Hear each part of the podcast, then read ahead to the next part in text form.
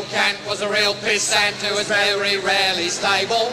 Heidegger, Heidegger was a boozy beggar who could drink you under the table. David Hume could outconsume Schopenhauer and Hegel. And Wittgenstein was a beery swine who was just as sloshed as Schlegel. There's nothing Nietzsche... Well, how did you how did you lose your virginity, Betty? I'll tell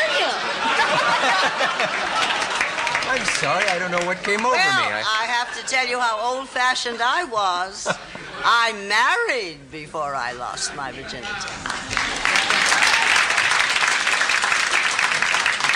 Once more, I was 26 years old, and it almost killed me to wait.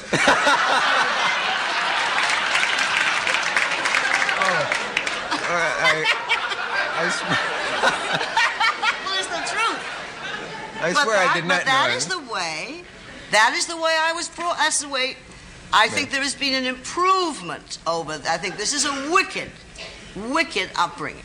to have to wait till truthful. 26. W- Well, no. I No, I mean, mean, if you the don't, idea of just pure- to pure marry for this is Yeah. wicked, Yeah. wicked. And, and, and I assure you, that is not the way my uh, daughter was brought up at all. Do I believe in this horrible promiscuity.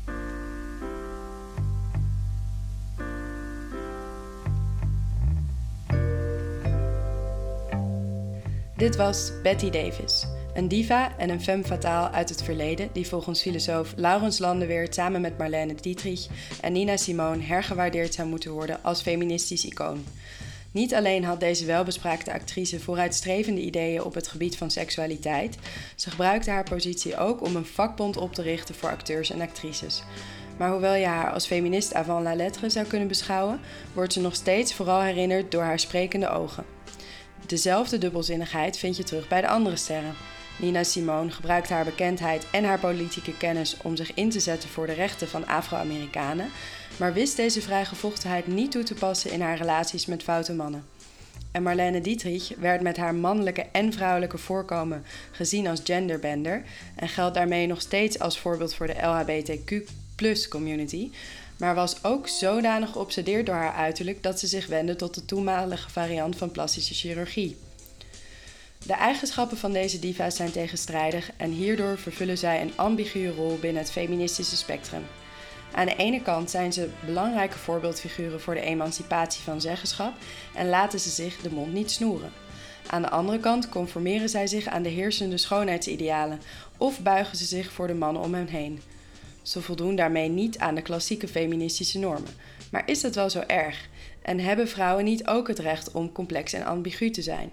Met Felix en Sophie redactieleden Linde van Schuppen en Marcel Zuiderland bespreek ik in deze aflevering de gespannen verhouding tussen het feminisme en media-iconen en in hoeverre je consequent moet zijn in je doen en laten als je jezelf feminist wilt noemen.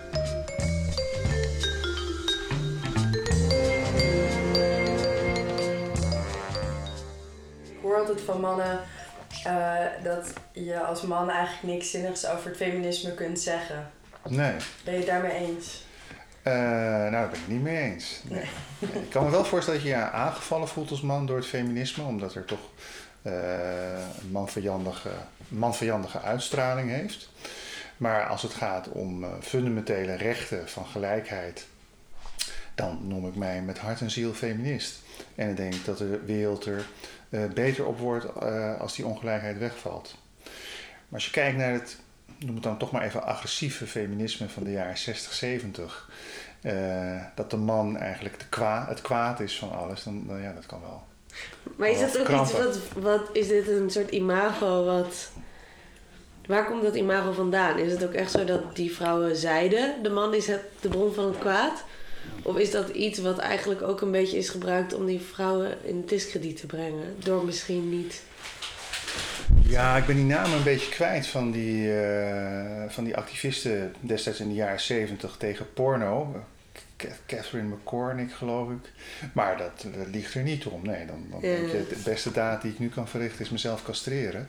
Oh nee, dat- ja, eh, jawel, want dan is het ver, toch wel ja. mannelijke seksuele lust is gewoon een blinde, agressieve, kwaadaardig eh, gegeven. En die zorgt er per definitie voor dat je vrouwen als, eh, als een instrument ziet, als, als eh, een gebruiksvoorwerp. Maar feminisme is wel een beetje een containerbegrip geworden, denk ik. Want Ja. eh, ik heb mezelf ook heel erg in het feminisme verdiept. Mhm. En dan zie je dat er twee, maar misschien wel meerdere lijnen zijn van die vorm van feminisme. Die Ja. voor het gemak even een soort hardline Ja, feminisme noem. En ook het sex, sex-positive feminisme. Ja, zeker. Ik, weet wel, ik, heb, ik heb destijds ook nog een keer een boek gelezen, dat heette Horse and Other Feminists.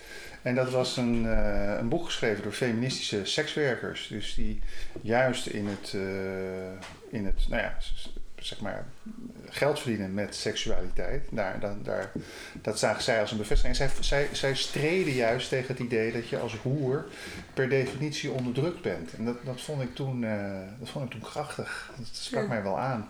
En ook van die persoonlijke verhalen, hoe ze vertelden hoe, hoe ze in een stripclub eigenlijk eh, hun respect voor hun eigen lichaam weer eh, terugvonden. En dat het niet alleen maar de hele tijd foute mannen zijn eh, die daar zitten. En dat heel veel vrouwen, met, ja, het klinkt romantisch hoor, want er is gewoon heel veel narigheid in die sector, dat bedoel. ik. Maar ook heel veel vrouwen, die, die, die- er komen ook over het algemeen toch trieste mannen naartoe.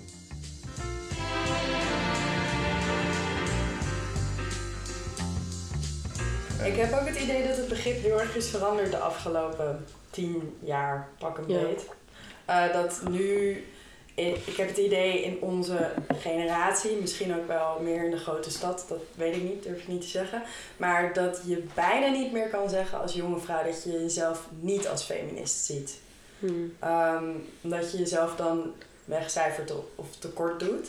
Terwijl als ik kijk naar de generatie van mijn ouders, dan Mhm. is feminisme nog een klein beetje een vies woord. Mhm. Ja, ik, ik denk dat het op meerdere manieren is veranderd. Ik denk dat het inderdaad nu langzaam mainstream wordt. Dus een soort van wordt opgenomen in het kapitalisme. Eh, wat je natuurlijk vaak ziet met dingen die eerst recalcitrant zijn... en op een gegeven moment gaan mensen er geld mee verdienen. Eh, Staat het groot achter Beyoncé op het podium, staat op t-shirts I am a feminist... en dan begint het mainstream te worden en populair geaccepteerd. Ik denk ook dat, het een groot, dat de vorm van het feminisme zelf heel erg is veranderd. Ik denk dat, dat, dat het vroeger ging om het verkrijgen van bepaalde rechten... die in de wet werden vastgelegd. En dat het nu veel meer georiënteerd is op eh, verwachtingspatronen, eh, bias. eh, en meer een soort van onbewuste sociale structuren aan het licht brengen en mensen daar bewust van maken. Dus ik denk dat dat wel een groot verschil is tussen generaties feministen. En, en daarnaast inderdaad dat het wel. ehm, dat het wel mainstream en ook door bijvoorbeeld popsterren en zo steeds populairder wordt gemaakt. Eh, wat ik eigenlijk heel fijn vond. Want ik weet nog wel toen ik zelf, ja, wat was het, tien jaar geleden of zo, als ik dan tegen mannelijke vrienden zei dat ik feminist was, dan. Ja, dat, ging, ja dat, dat liep niet goed af. dan werd het ruzie of dan. eh, ja. Ik vind dat gecapila- gecapitaliseerde aspect ook wel interessant. Want ik was bij Brainwash bij een lezing van, volgens mij heet hij Carl Sederstruik. Zo'n Zweedse filosoof, socioloog. Die eh, het had over het kapitaliseren van, nou moet ik het even goed zeggen, ehm, het potentieideaal. Dus eh, dat in de jaren zestig het geluksideaal en het potentieideaal van ik kan alles bereiken wat ik wil bereiken. Eh, ik heb zoveel talenten die ik moet verwezenlijken en ik moet gelukkig zijn. Dat dat toen iets was wat stond voor vrijheid en dat het doordat het door de bedrijven is opgepakt en door het kapitalisme, dat, toen had het een soort negatief component gekregen van iedereen moet zichzelf maar verwezenlijken. En daardoor kreeg het juist iets ja, bijna iets pervers of iets wat onze generatie heel erg dwars zit.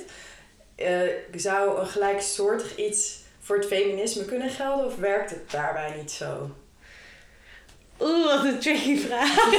Ja, ik vind het interessant, want ik denk Ja. als je het hebt over kapitalisme, denk ik meteen, oeh, als het door bedrijven en zo wordt opgepakt, dan moet het wel misgaan. Maar Ja. misschien is dat wel niet zo. Nou, ik vind het wel een boeiende analyse. Ik kan me er wel wat bij voorstellen als je kijkt naar eh, waar het feminisme, waar Linden het eerder over had, van de vorige generatie vooral ging om het eh, verkrijgen van rechten die eh, er eerst niet waren. eh, zie je dat dat er nu wel is en dat het meer gaat om, zoals zij zei, het onbewuste machtsstructuren blootleggen. Maar aan de andere kant zie je ook met het verkrijgen van die rechten dat als Beyoncé het feminisme verkoopt, wordt dat ook onlosmakelijk met succes verbonden. Dus eh, je kunt alleen maar succesvol zijn als je ook feminist bent of zoiets. Hè? En dan krijgt het iets dwingends. Dan krijgt het helemaal. Dan valt het karakter van een vrije keuze. Echt Per definitie, als je dan voor, de, voor het aanrecht kiest, wat op zich een vrije en feministische keus zou kunnen zijn, dat is dan natuurlijk ondenkbaar. Dus er gaat, gaat een bepaald, bepaald stereotype van de feministische vrouw uit. Een vrouw die eh, de basis over haar eigen seksualiteit, de basis over haar eigen carrière en daarmee vervolgens ook nog bakken met geld binnensleept. Dat is natuurlijk Ja, maar dit beetje... is ook wel, ik denk dat daar ook wel weer op geanticipeerd wordt. Dus er wordt ook nu wel veel vanuit het feminisme gewaarschuwd voor dat idee van. Oh, vrouwen moeten nu een carrière hebben en zelfstandig zijn en geld verdienen. Maar ondertussen zijn allerlei andere taken die van oudsher eh, bij de vrouw lagen, zoals voor de kinderen zorgen, huishouden, et cetera, nog niet helemaal bij haar weggehaald. Nee, dat Dus er wordt ook wel gewaarschuwd van, oh, die druk van, Ja. nou de druk, ook de verleiding, Ja, denk ik, van de emancipatie. Ehm, Mhm. eh, weet je, ik kan ook voor zorgen dat vrouwen heel erg druk worden en dat het allemaal niet gaat. Dus het zou wel kunnen dat de emancipatie iets, van de vrouw iets sneller gaat dan van de man. En dat het daardoor, dat daardoor er veel druk op komt te staan. Maar ja, ik, heb, ik weet niet. Ik, ik, ja, ik, kan, ik weet niet hoe dat in de toekomst zal gaan. Ehm, vraag me ook af als het, eh, kapitalis- als het een kapitalistisch instrument wordt, of het dan niet inhoudsloos wordt. Of het Ja. meer een symbool wordt of meer een, een, ja, een leeg hul. Ja, ik heb wel. Als ik nu, eh, ik zat vandaag, eh, of nee, ja, inderdaad, zat ik nog naar American Next Top Model te kijken. En eh, daar zie je, zien mensen er heel punky uit, die, die modellen. Hè? Terwijl, Ja. terwijl in mijn tijd, als je punk was, dan was je echt anti. Dan was het gewoon ondenkbaar dat je met dat uiterlijk ooit eh, op de catwalk eh, zou komen. Waarmee dat hele uiterlijk zelf eigenlijk geïncorporeerd is door het systeem waar, waar ze aanvankelijk tegen streden. En daarmee is het gewoon betekenisloos geworden. Of daardoor Ja. heeft het helemaal niet meer dat activistische wat het eerder had als eh, radicale kritiek op het systeem. Wat je er ook van kan vinden, hè, of ze daar gelijk in hebben. Maar in ieder geval zie je wel dat het systeem in dat opzicht superieur is. Dat het het incorporeert en tot een eh, dienaar van, van, van zijn eigen belangen maakt. ja, maar En dat kan, dat, volgens mij kan je dat ook bij het feminisme. Ja, dat zou best wel ontwaren. kunnen. Maar ik weet ook niet of het... ehm, ik weet niet of het zo erg is als het op een gegeven moment zo mainstream is geworden dat het... Ja, het is ook wel fijn, toch? Dat het zich verspreidt. Ja. en dat het... Ik, ja, het hangt er gewoon Nou, een beetje vanaf welke ja. acties daaraan verbonden zijn. Ik ben wel met je Eh, eens, voor ik- als vrouwen is er wel wat veranderd. Ja, maar als, als vrouwen zich allemaal heel gratuit feminist gaan noemen zonder dat ze daar echt naar handelen, dat vind ik heel lastig. Want dat zie je denk ik heel erg bij Beyoncé. Dat aan de ene kant lijkt het erop alsof ze. ehm, weet je, ze voldoet wel aan het schoonheidsideaal. Ze doet wel haar best ergens nog om aantrekkelijk te zijn. Dat is belangrijk voor haar merk, voor wie zij is, voor het feit, eh, voor haar baan. Aan de andere kant noemt ze zich wel feminist. Ik vind persoonlijk dat dat wel kan. Ik vind wel dat je jezelf op die manier... Je hoeft niet voor mij helemaal consistent te zijn. Je mag jezelf ook tegenspreken, denk ik, wat dat betreft. Maar het is natuurlijk wel interessant wat er gebeurt op het moment... ehm, dat, dat, dat niemand meer activisme aan verbindt. En dat het inderdaad alleen nog maar een stijlding zou worden. Maar ik, ja, ik weet niet of dat ooit gaat gebeuren. Ik denk dat daar misschien ook ja, voor nu nog te veel woede in zit en er dan nog te veel talen valt. En misschien tegen de tijd dat het wel gebeurt, is, het misschien, is er misschien ook maar minder om tegen te protesteren dan dat er is.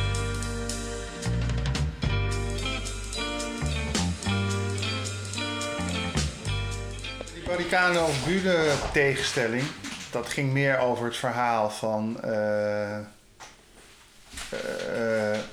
als je de bühne opgaat, dan ehm, doe je onvermijdelijk water bij de feministische wijn. Is dat erg? Ja. En als je de barricade opgaat, dan, eh, ben je, dan ben je een echte feminist. Dan, dan laat je op geen moment, je doet, nee, je doet geen concessies.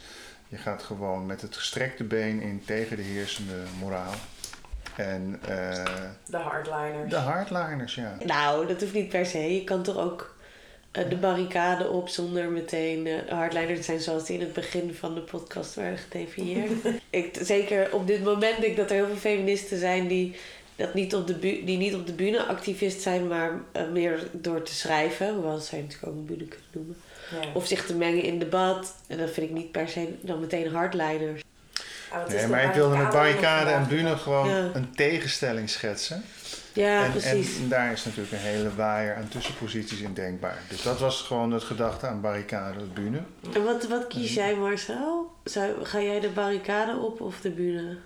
Als feminist. Nou, ik ben wel een beetje burgerlijk toch, ja. Dus ik ga de bühne.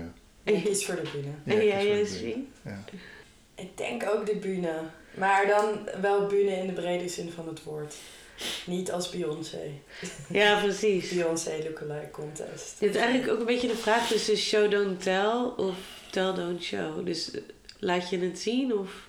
Nou ja, je en ik vraag me af hoeveel impact je nu nog kan maken op de barricade. En tegenwoordig is alles denk ik wel een bühne. Ja. Dat is natuurlijk een hele Maar ik ben wel discussie, Ja, dat is waar. Wat, wat jij zegt, Linde, ik ben wel eh acts, acts, speaks louder than words. Hè? Dat, is, dat geloof Ja. ik wel. Maar Van ik, die vind, school ben ik dan weer wel, ja. ik vind wel terecht de vraag van Josephine of er überhaupt inderdaad nog wel een verschil is tussen bühne en barricade. Al het activisme is bijna ook eh, Online. online en publiek natuurlijk. Ja. Goed, Maar dan is een-.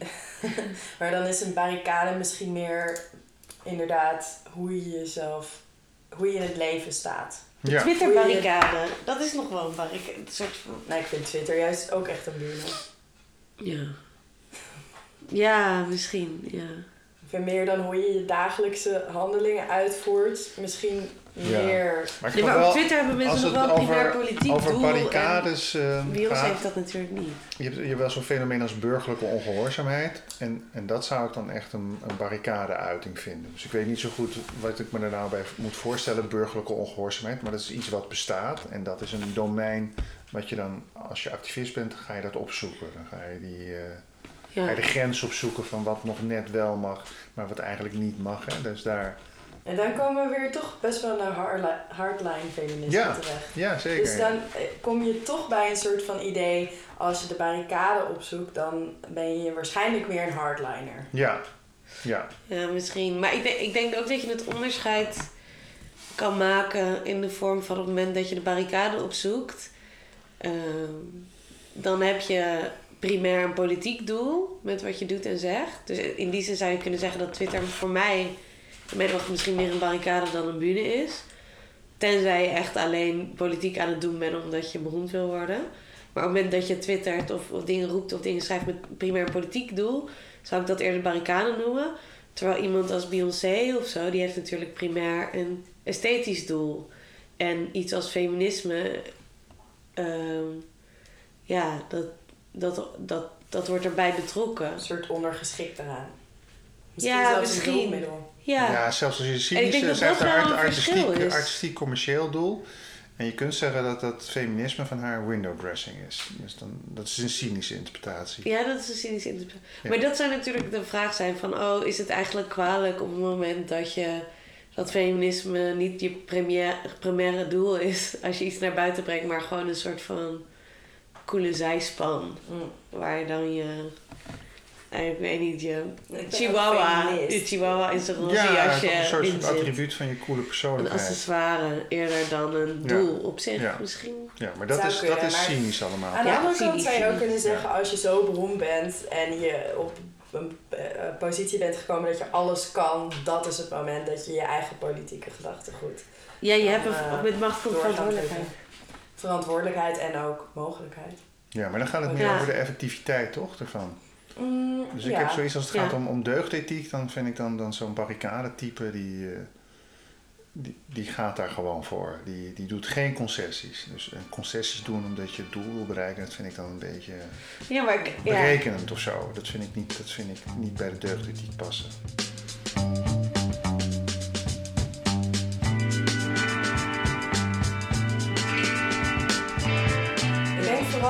Tussen feminisme en het schoonheidsideaal en feminisme en seksualiteit, dat daar hele sterke spanningsvelden liggen. Ja. Als in, ehm, ik denk snel dat je als vrouw niet serieus wordt genomen als feminist.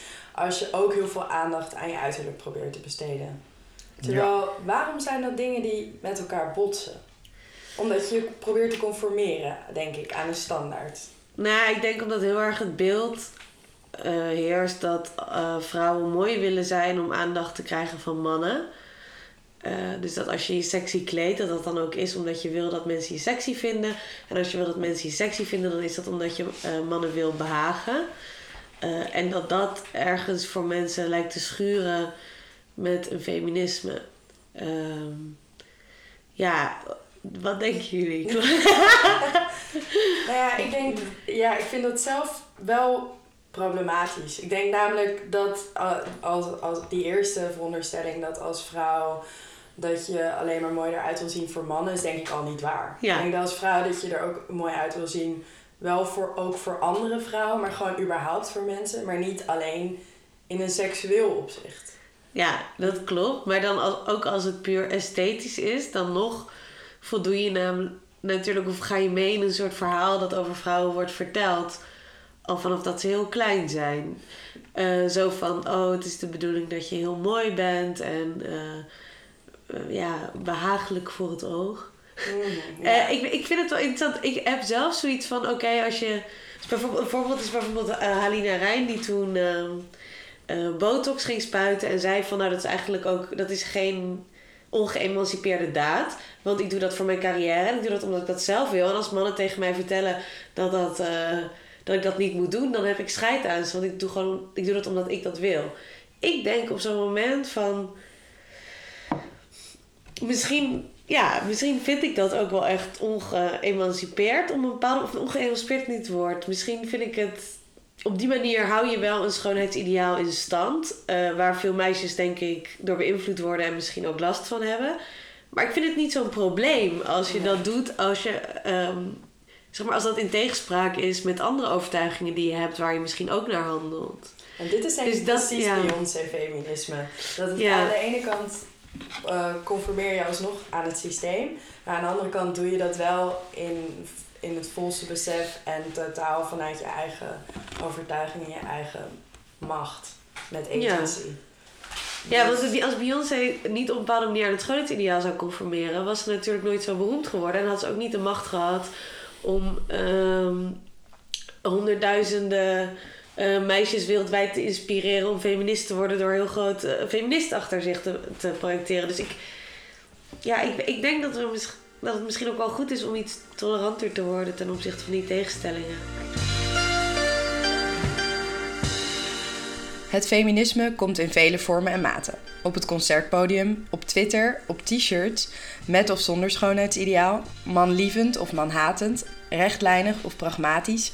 En wellicht is het zo gek nog niet om hierin inconsistent te kunnen zijn en van alle vormen een beetje te lenen, hoe het je uitkomt. We zullen komende dinsdag 20 november verder praten over feminisme op de bühne bij Felix en Sophie Diva Power of Fake Feminisme in Perdu. Ook kan je dan luisteren naar Laurens Landenweert over de iconen uit de intro.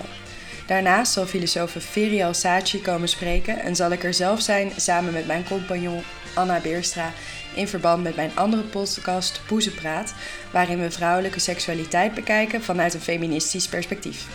Tot dan!